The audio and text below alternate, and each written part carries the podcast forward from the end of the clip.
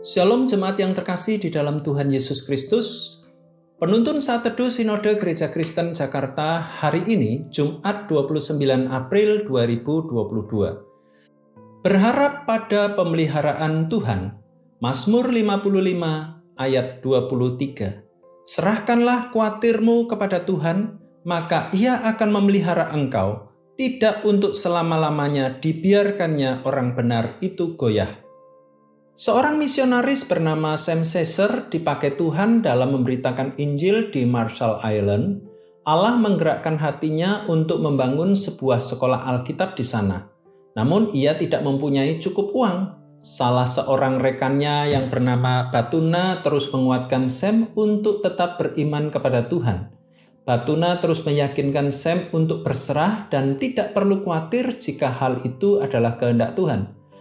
Tuhan menyertai pelayanan mereka dan mengirim seseorang yang tidak mereka kenal untuk menjadi sponsor dalam pembangunan gedung hingga selesai.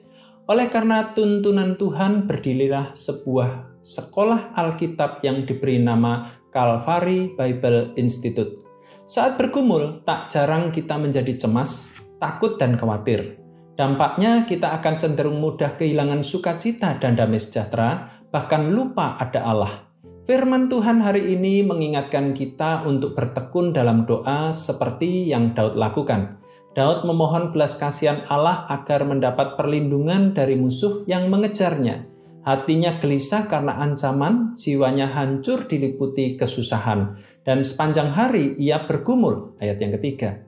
Namun Daud mengambil sikap yang tepat. Ia berseru kepada Allah, menyampaikan seluruh tangis dan keluh kesah, Daud yakin bahwa Allah yang akan menyelamatkannya. Ayat yang ke-16. Keyakinan yang ia miliki adalah hasil dari lekatnya hubungan dengan Allah.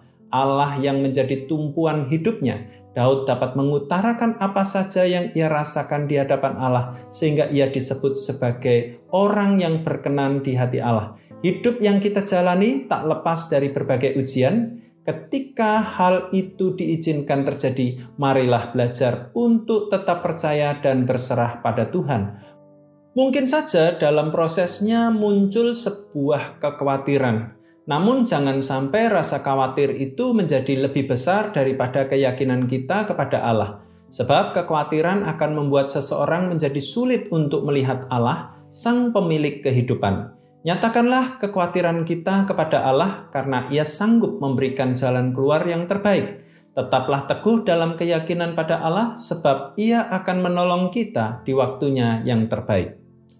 Tuhan bukan hanya menyertai kita, tetapi Dia siap untuk menjawab seluruh pergumulan kita sesuai dengan kehendaknya. Selamat beraktivitas, Tuhan Yesus memberkati.